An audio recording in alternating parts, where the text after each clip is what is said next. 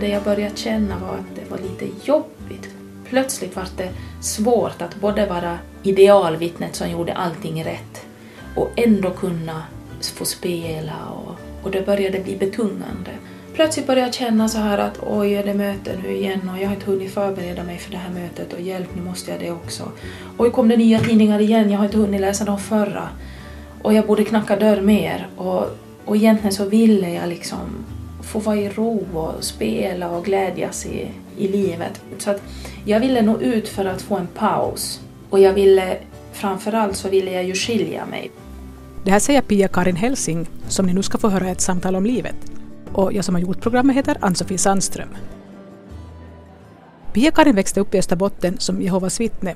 Hon döptes som 13-åring och lämnade Jehovas vittnen som 27-åring.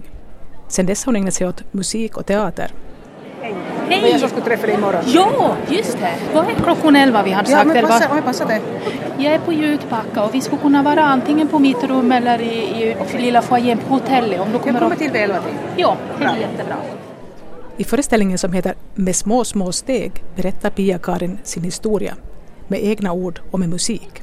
Halvåret innan premiären, det var ren och skär ångest. Jag hade så ont i magen och jag var så orolig. Jag var orolig över om jag verkligen skulle göra min familj jätte, jätteledsna och jag var orolig över konsekvenser. Och ännu dagen innan premiären så kände jag att nej men det här, jag kanske får lägga ner, jag kanske inte klarar av det här.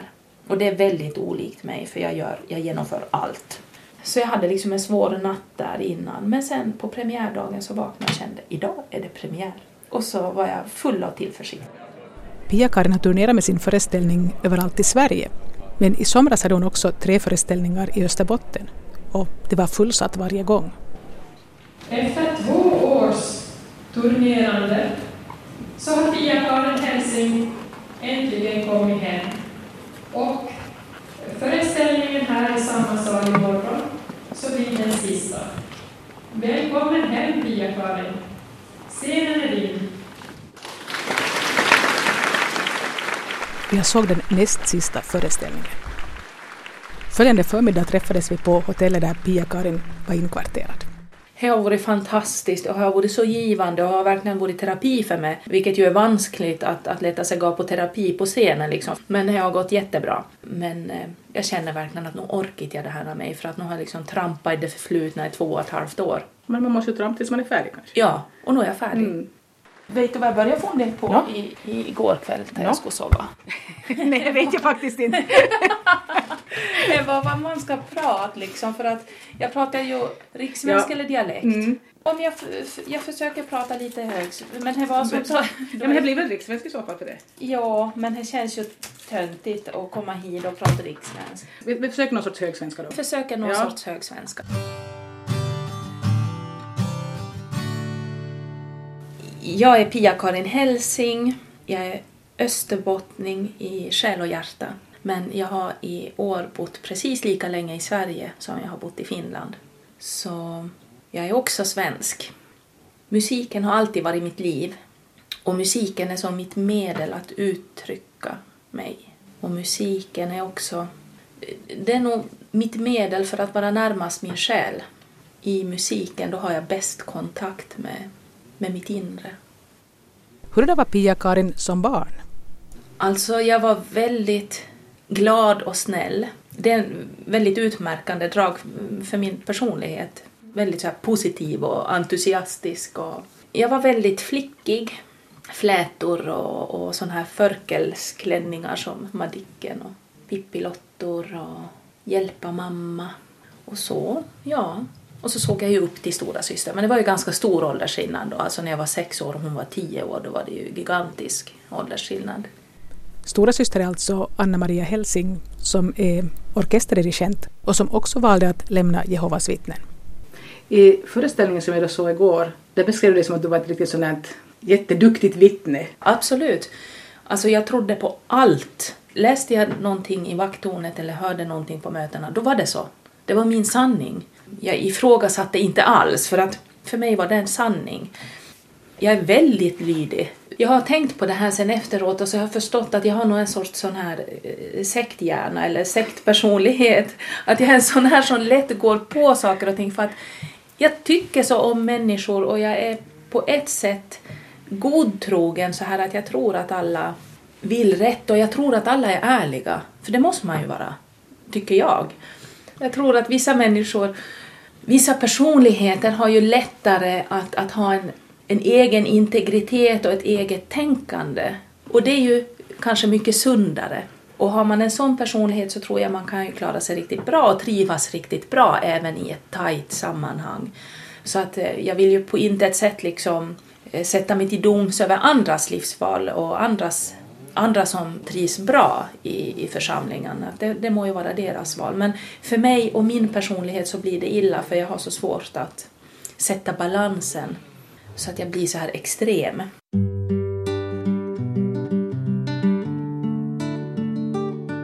Pia-Karin nämnde redan att musiken alltid har varit viktig för henne. Så man kunde ju ha väntat sig att hon skulle ha sökt sig till någon musikutbildning efter grundskolan. Men det gjorde hon inte.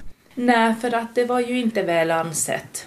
Det är ju inte förbjudet förstås för vittnena, men jag läste i tidningen att, att högre utbildning är inte bra och att man ska gå så lite utbildning som möjligt och man ska knacka dörr. Jag var ju duktig då så tänker jag, ja men då, då visar jag Gud att nu satsar jag på honom. Och Så vad gjorde du efter nian?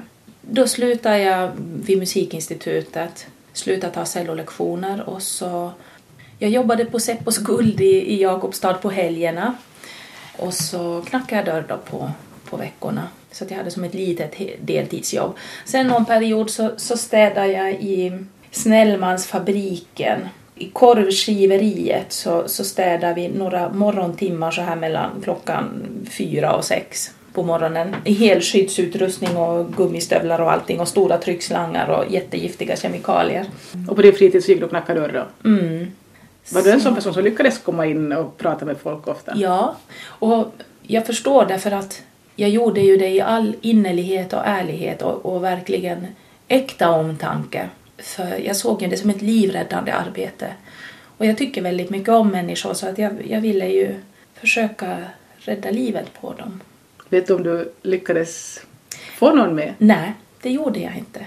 Så att det är ju alltid något. Bodde du hemma då hos dina föräldrar fortfarande efter nian eller flyttade du och bodde i egen... Jag tror jag flyttade hemifrån när jag var 17.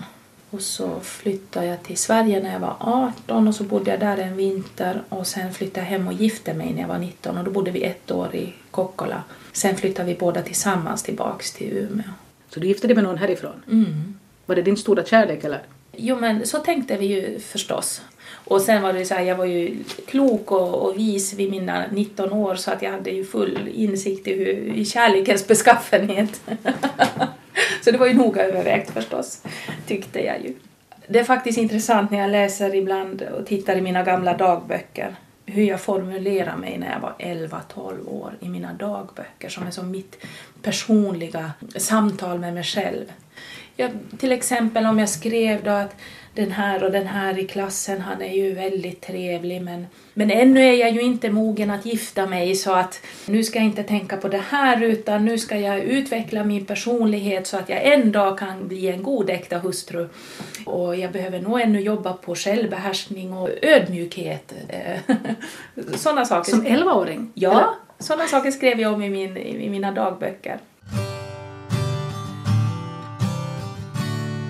Jag lämnade då när jag var 27 år och nu har jag ju som börjat öppna upp för att se vem är jag på riktigt under allt det här präktiga och, och pretentiösa och allvarsamma och noggranna. Och, vem är jag? Den fria Pia-Karin, den vilda Pia-Karin, finns hon ens? Och så upptäcker jag, ja men hon finns där inne och, och, och hon är ganska rolig att hänga med, måste jag säga. Jag tycker livet blir liksom bara roligare och roligare ju, ju mer man växer och, och nu är jag inte alls så där allvarsam utan nu, nu är jag full av livs, livslust och upptäckarlusta och Hur var du som 19 när du gifte dig då? jag var ju då också väldigt så här positiv och glad och framåt och, och så.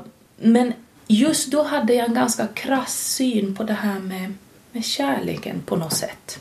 Att jag var så här lillgammal, att jag hade som minsann koll på att det här med passion och romantik och allt det där är ju bara i filmerna och i böckerna. Att- Så du valde liksom med förstånd att det här är en bra man för Ja, dig? det här är min kompis och han är jättefin och vi har roligt tillsammans. Och det är bra liksom och det kan vara stabilt på lång sikt för att inte det är någon dans på rosor och det kommer en grå vardag och det är nog liksom bara att... Hade han samma inställning? Jag vet Pratar ni alltså om sådana saker? Nej, kanske har vi aldrig egentligen pratat om just vad som gjorde att vi som valde varann. Men han är ju en jättefin människa och, och härlig på många sätt och, och vi, hade, vi fick dela många fina år. Sådär. Men sen när jag, jag försökte ju då liksom leva utan musiken. Jag, jag spelar ju ibland på lite tillställningar med familjen och sådär men jag övar ju inte, jag tog inte lektioner, jag gick inte den här Utan vad gjorde du? Vad gjorde du där i Sverige när ni flyttade dit då? då var det nog städjobb, strötimmar sådär och så lite på en bokhandel, strötimmar. Och... Men det som hände var ju att jag började bli deprimerad. Så blev jag riktigt nedstämd och jag hade fem riktigt kämpiga år. Så att jag, liksom, jag gick i terapi och försökte få koll på det här och jag tänker men jag måste ju vara glad för jag har ju sanningen och jag är ju belönad av Jehova, jag satsar ju på, på honom och jag, jag räddar ju liv här och vad är det som är fel? Och som sagt, jag gick i olika terapier och, och det vände för mig först när jag till sist, jag minns jag satt och grät hos doktorn och jag har kämpat med det här i fem år. Att kan jag få piller? Kan jag få prova? Nej, men det är nog bättre med terapi. Ja, men jag orkar inte längre. Att fem år är ändå en lång tid. Och det är ju inte heller förstås någon mirakelmetod, men efter några månader då började medicinen verka och då vart jag ju glad direkt när det, när det väl släppte liksom. Så var det som att ett tjockt svart täcke var bara bortlyft. Och då kunde jag ju börja bygga upp mitt liv och då kan ju liksom det här jag hade fått i terapin, de nycklarna kunde jag ju börja använda då när jag fick liksom näsan ovanför vattenytan. Och då tog jag tag i det här med musiken igen. Och eh, jag minns det så väl, jag låg på soffan och lyssnade på en skiva jag hade köpt. Och det var Max Bruchs stycke Kol Nidrej som jag hörde och det är för cello och, och orkester. Och det var så vackert och det gick rakt in i magen. Det träffade mig rakt i magen. Och jag fick en sån här beslutsamhet att det här ska jag spela. Och jag ringde till Norrlandsoperan dagen efter eller något och bad att få kontakt med en, en av deras cellister. Så började jag ta privatlektioner och hittade glädjen igen. Och allt kom som tillbaks och det satt i fingrarna någonstans undangömt satt ju greppen. Hur länge har du varit utan att spela då? Alltså jag hade så varit, jag tror jag hade varit cirka nio år Utan ut- lektioner Utan lektioner. Mm.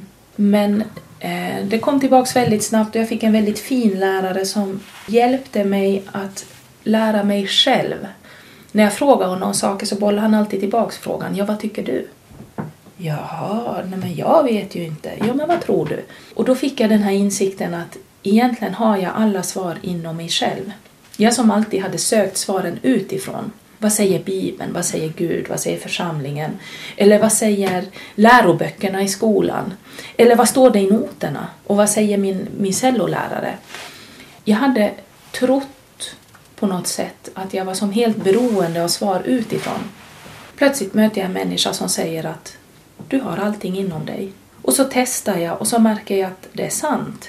Så där egentligen började min väg mot att, att hitta Pia-Karin. Och att hitta kontakten med, kontakten med allt. Allt annat. Det var nog liksom min egentligen första, även om jag inte alls förstod det då, så var det nog som första kärnan till, till min eh, senare insikt om att allt hänger ihop. Allt i universum hänger ihop och allting är i en fantastisk synkronisering. Och jag tänker det så nu. Jag, jag säger inte att det är sant, för jag, eh, jag tycker det är så underbart att inte behöva veta och att inte påstå, för jag tänker att man kan inte veta. Men som jag tänker nu, för att jag tycker att det hjälper mig, det är att vi har tillgång till hela universums information och alla djupa visdomar. Det har vi tillgång till bara med tankens kraft, bara i andningen. Att man kanske som inte behöver bestiga berg för att fråga någon guru där på toppen för att hitta.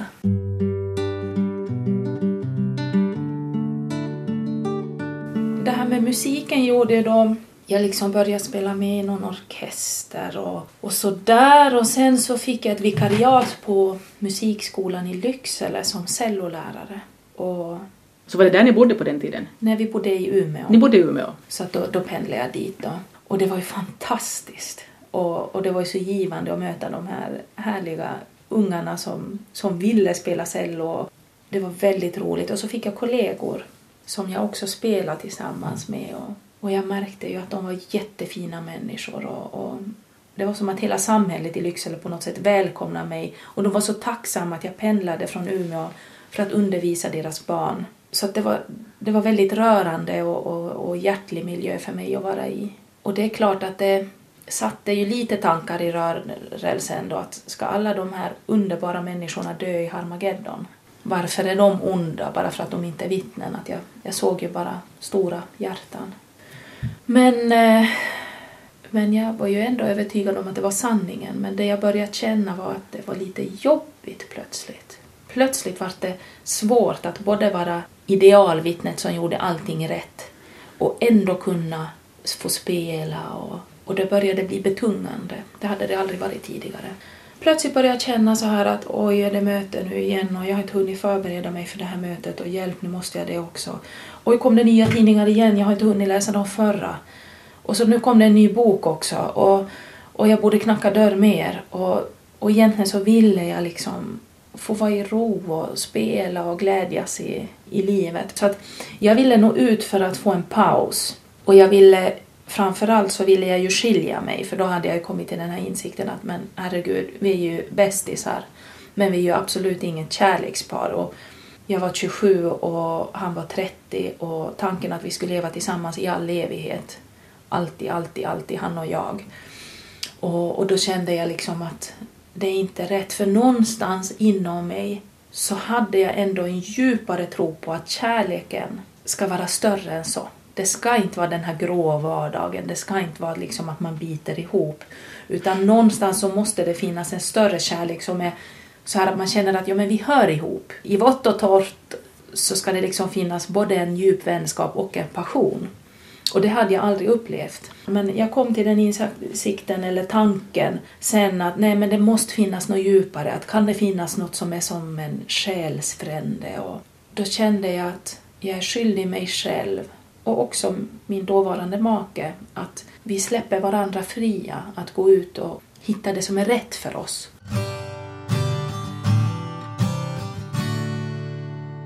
Hur ser man på skilsmässa inom vittnena? Kan man liksom Nej. skilja sig? Nej, det är ju just det. Hade man kunnat gjort det så då hade jag som varit kvar i vittnena ett tag till och vi skulle bara ha skilt oss.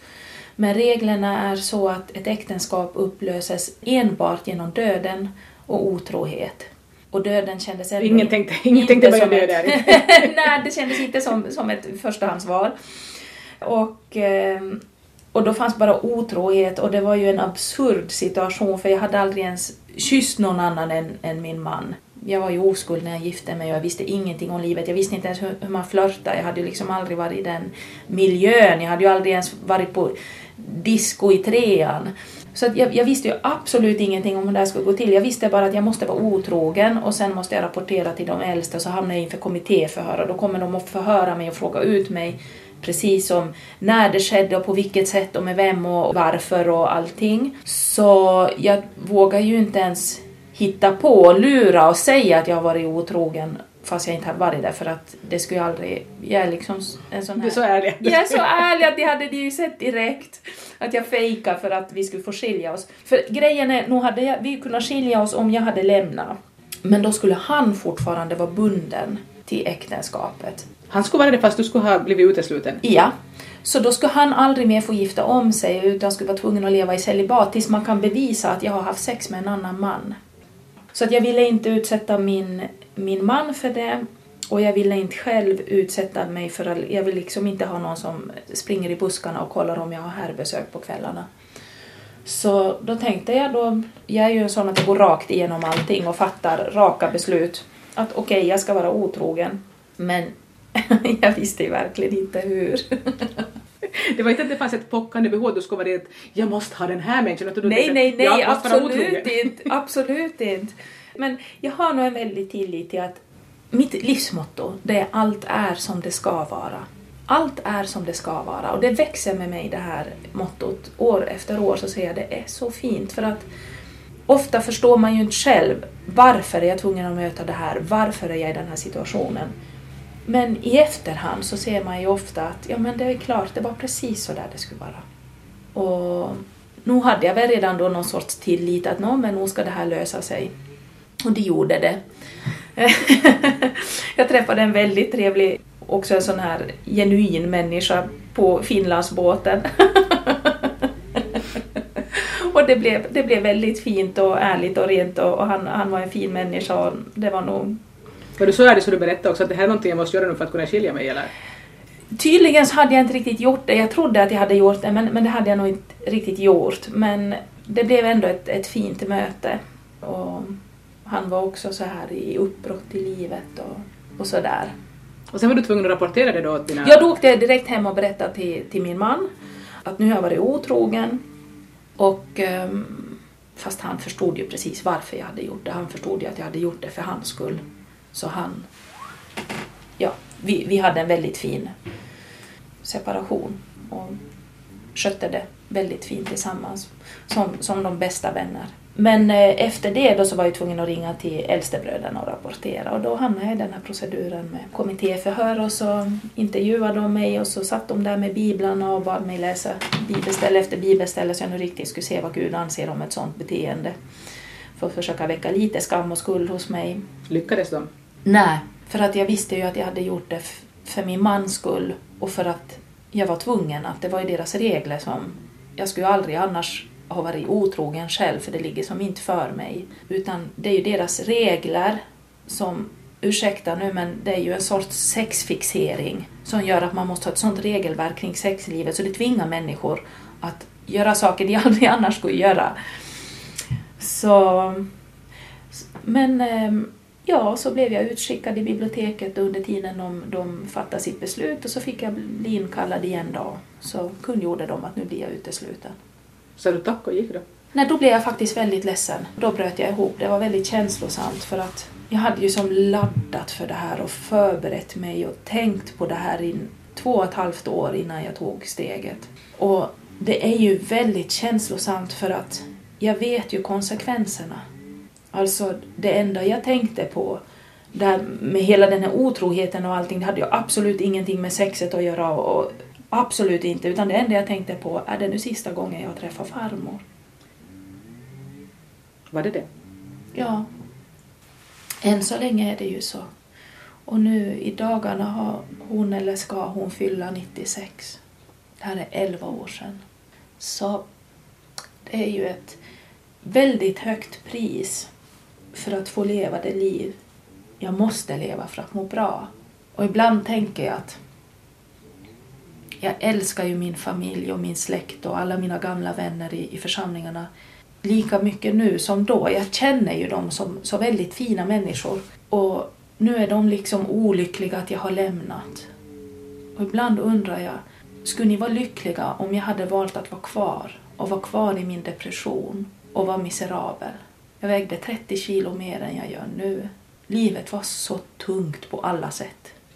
Skulle ni vara lyckliga om jag hade liksom bara bitit ihop och fortsatt, fortsatt liksom leva i skav? Det är ju inte min livsväg. Det, det, vet ju alla som har sett mig sedan liten att det är klart att Pia-Karin ska vara musiker. Det har alltid varit musik och sång och dans, hopp och lek. och så tänker jag, nej men inte kan det ju tänka så det, det kan ju inte få vara så att visst är ni väl också lyckliga med mig? Visst ser ni också nu att nu är jag mitt sanna jag, nu är jag den rätta Pia-Karin som är levande och i fas med mig själv. Och så tänker jag så att jo men jag, nu, nu tror jag att vi innerst inne förstår varann. Och jag hoppas att de också kan någonstans glädjas åt att jag har hittat, hittat rätt.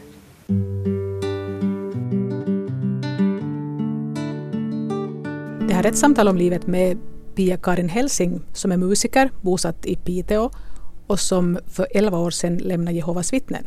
Alltså det var så härliga de här första åren. När jag liksom fick börja upptäcka livet och börja släppa människor nära inpå, som jag ju aldrig har gjort. Man, fick, man hade liksom inte några nära vänskapsband med folk som var utanför. Nej, det var inte bra att ha det och jag var ju så duktig så att jag, jag försökte ju liksom att inte släppa folk för nära. Även om jag ju tyckte om alla så det var ju jättesvårt för mig men jag försökte ändå att liksom inte bli riktigt personligt bekant. Och man umgicks ju med folk på, på jobbet men att försöka att inte umgås med dem efter arbetstid.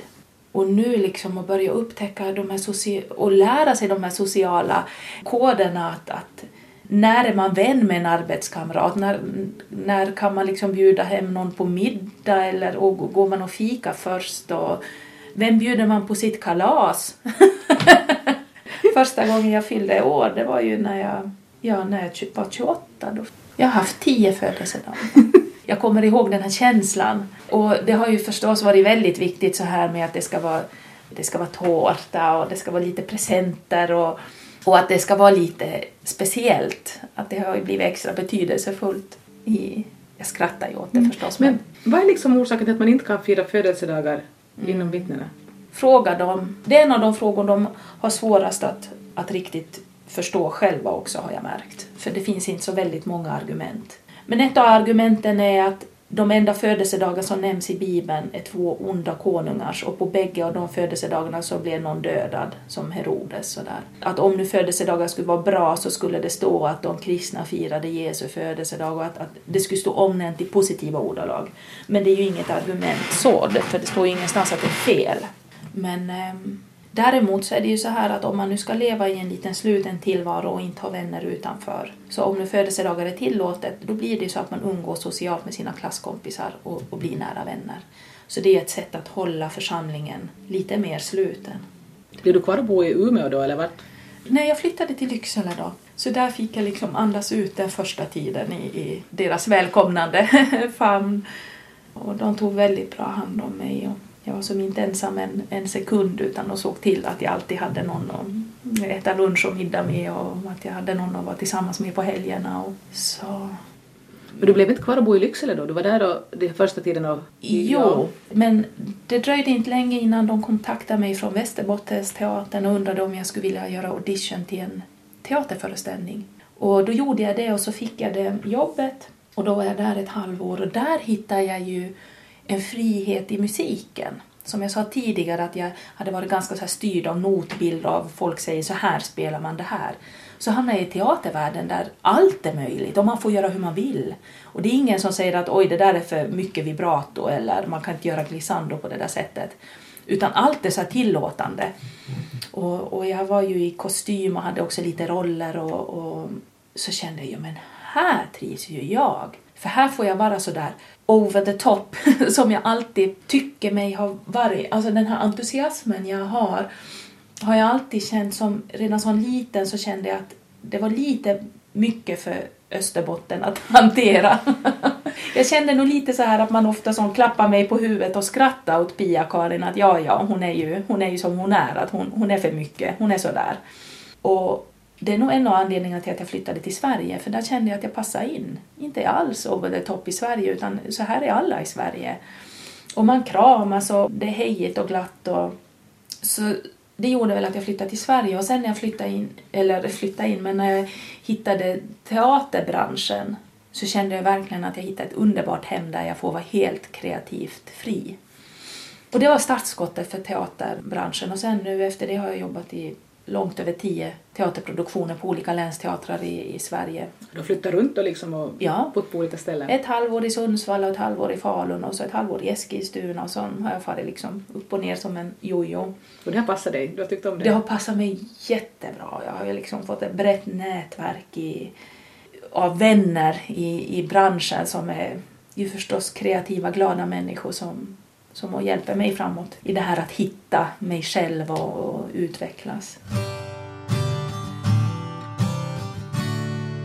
Så läste jag Alkemisten. Det var faktiskt, kan det ha varit min första julklapp av Anna Maria. Så skickade hon till mig Paolo Coelhos Alkemisten. Och det var startskottet för min liksom andliga utveckling. Eh, när jag började liksom läsa om andra sätt att se på livet. Jag hade precis ehm, under sommaren där hade jag varit på en operamästarkurs och lyssnat och sett och som, som betraktare helt enkelt, åskådare. Men jag fick några lektioner av den här ehm, kvinnan och så pedagogen och så kände jag att jag har en jättestor röst i min kropp som jag aldrig har vetat om. Och nu vill jag försöka bygga upp muskulaturen och hitta tekniken för att få ut min röst. Så jag bestämde att jag ska flytta till Stockholm och satsa på sången.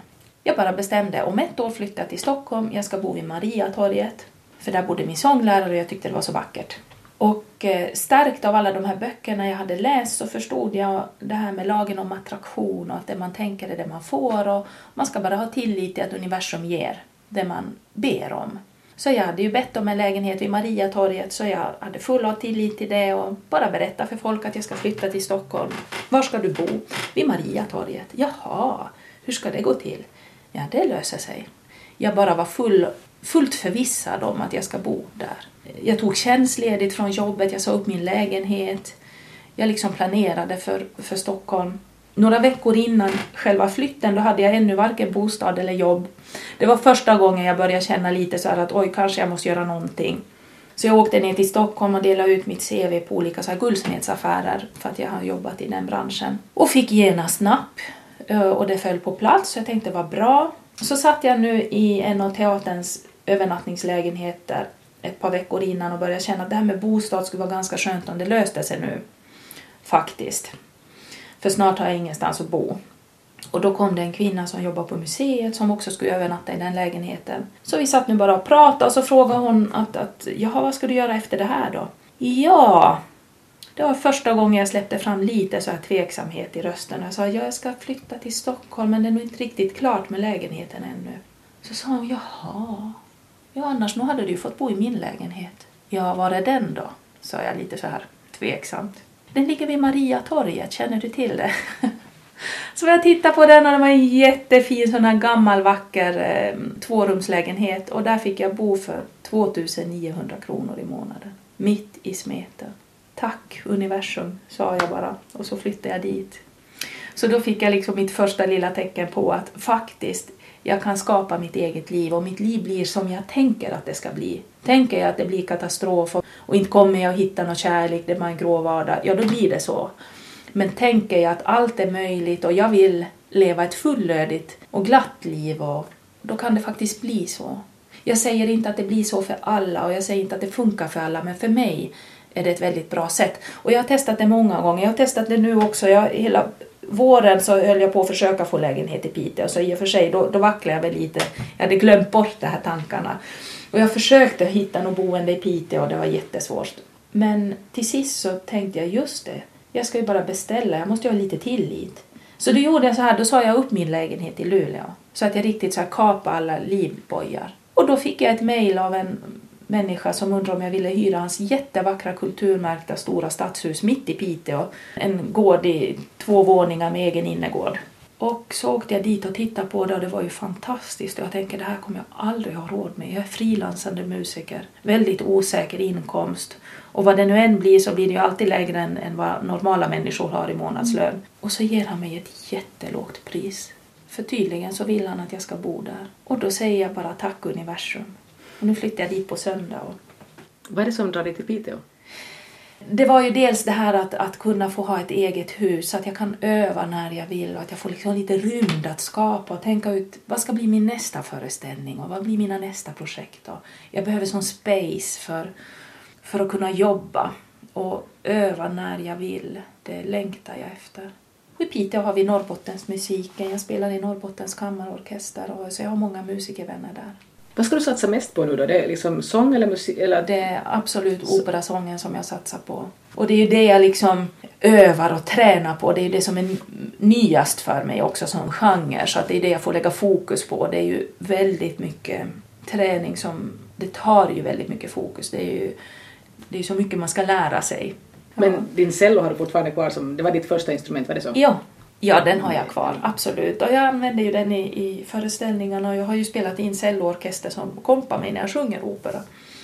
Så så länge jag orkar öva på allt som ska övas på så vill jag behålla cellon.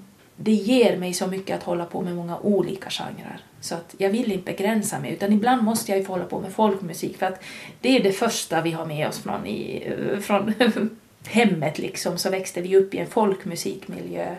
Så de projekten gör jag ju så ofta jag bara kan få in det. Och, och jazzmusiken tycker jag är så härlig och med improvisationer och den är fri. Så det gör jag ju för att det är så roligt när jag hinner. Och orkestermusik, att sitta och spela i orkester och stora symfonier, det är så mäktigt. Jag sitter och spelar min lilla stämma men tillsammans så blir det så maffigt.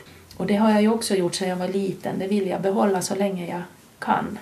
Många säger att du måste välja, du måste liksom ha en spjutspets. Liksom. Din, du måste välja vad du satsar på, operan eller cellon. Och, och min spjutspets har jag kommit fram till, det är att jag gör allt. Det är att jag vägrar att välja. Ni får ta mig som jag är och jag kommer att fortsätta producera musik i alla genrer. Så föreställer jag mig livet. Det får inte bli tråkigt.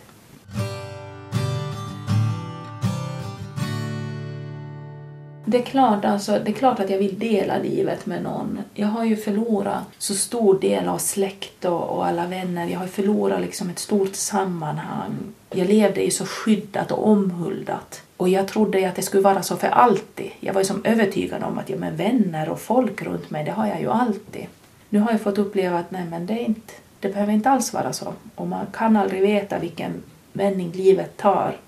Och det som har varit viktigast för mig nu är ju verkligen, jag är en musiker och det är det som jag har liksom lagt som prio ett. Karriären är prio ett. För att jag ser det som, alltså jag tänker som arketyp så tror jag att jag är the preacher man jag är sån i min personlighet att jag, liksom, jag vill nog vara där och hjälpa människor och stötta och säga jo men gör så här. Och, och det där gjorde jag ju förstås som ett vittne så var jag ju ute och, och knackade dörr och, och ville göra gott för människor. Och nu gör jag inte längre men jag är ju fortfarande samma personlighet och det här med musiken och karriären, för mig ser jag det som, jag tror det är på scenen som jag kan göra mest gott för flest människor. Och ibland när jag sjunger, när jag sjunger vissa toner, så får jag bara en sån här känsla av att nu är tonen på en sån frekvens att det är ren och skär healing för publiken. Jag menar rent fysiskt, men eh, också själsligt. Alltså opera, det är därför jag fascineras av opera, för att den här klangen som jag som människa kan få en sån klang som vibrerar rakt genom hela min kropp. Det vibrerar ju genom hela mitt hjärta och alla mina organ. Det är så innerligt från mig. Och det är någonting gudomligt hur en sån klang kan komma ur en människa. Alltså vi är, jag ser det ju som att vi är gudomliga varelser. Vi, I Bibeln står det att vi är skapade till Guds avbild och så kan man ju säga det. Men jag tänker att allt som lever, allt som har energi, det är gudomligt. Det gudomligaste jag kan uppnå med min kropp, om man säger det som mitt fysiska medel jag har fått i det här jordelivet, det tror jag är vissa av de här operatonerna som når vissa frekvenser. Och det kanske är bara liksom lullull, det kanske inte är så. Men jag tänker så ibland. Eller jag, ibland får jag en, en sorts insikt just när det händer. Att oj, nu händer det. Och det är en väldigt vacker tanke. Och därför liksom så, så, tycker jag så här att det här med musiken, det går som utöver väldigt mycket. Det är viktigare än allt annat i livet för mig. För att det är som ett kall, det, det är inte ett jobb. Och det handlar inte om att jag ska stå på scenen utan, utan jag gör det här för publiken. Och det här mötet med publiken, det är därför jag alltid minglar i foajén innan och efter föreställningen, för jag vill ju träffa människorna som, som det handlar om. Men i alla fall så har de här senaste tio åren varit att, att musiken har liksom gått före allt. Men nu så känner jag att jag börjar också, tack vare den här turnén, så har jag utvecklats som människa och det har varit ren terapi för mig. Och tack vare att jag har tvingat mig själv att titta bakåt för första gången i mitt liv, jag som alltid tittar framåt. Nu har jag tvingat mig att titta bakåt och röra i det sårigaste av det såriga. I två och ett halvt år har jag om och om igen öppnat den här kappsäcken och tittat på det sårigaste jag har i mitt liv och delat det med publiken det har gett mig en mognad och det har hjälpt mig att slappna av som människa och möta livet som det är. Och så känner jag att nu är jag ändå mogen att släppa in människor i mitt liv också, inte bara musiken. Det är först nu som jag in, har insett att jag även efter att jag har lämnat vittnena så har jag hållit människor på armlängds avstånd.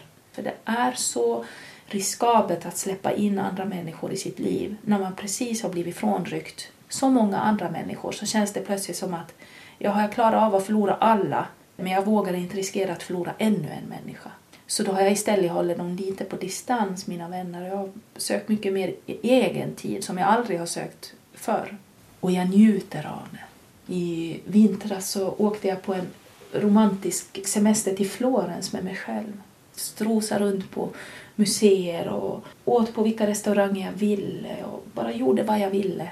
Och kände att jag är faktiskt trevlig att umgås med. Precis bara som, som jag är. Och kanske är det det jag har behövt hitta för att kunna öppna upp för en annan människa också i mitt liv.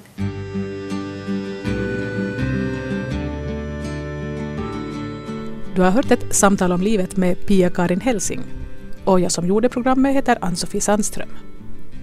Inspelningen gjordes i augusti i Nykarleby och när jag ringde upp Pia-Karin för att berätta att programmet nu ska sändas så fick jag veta att hon numera har en ny kärlek i sitt liv.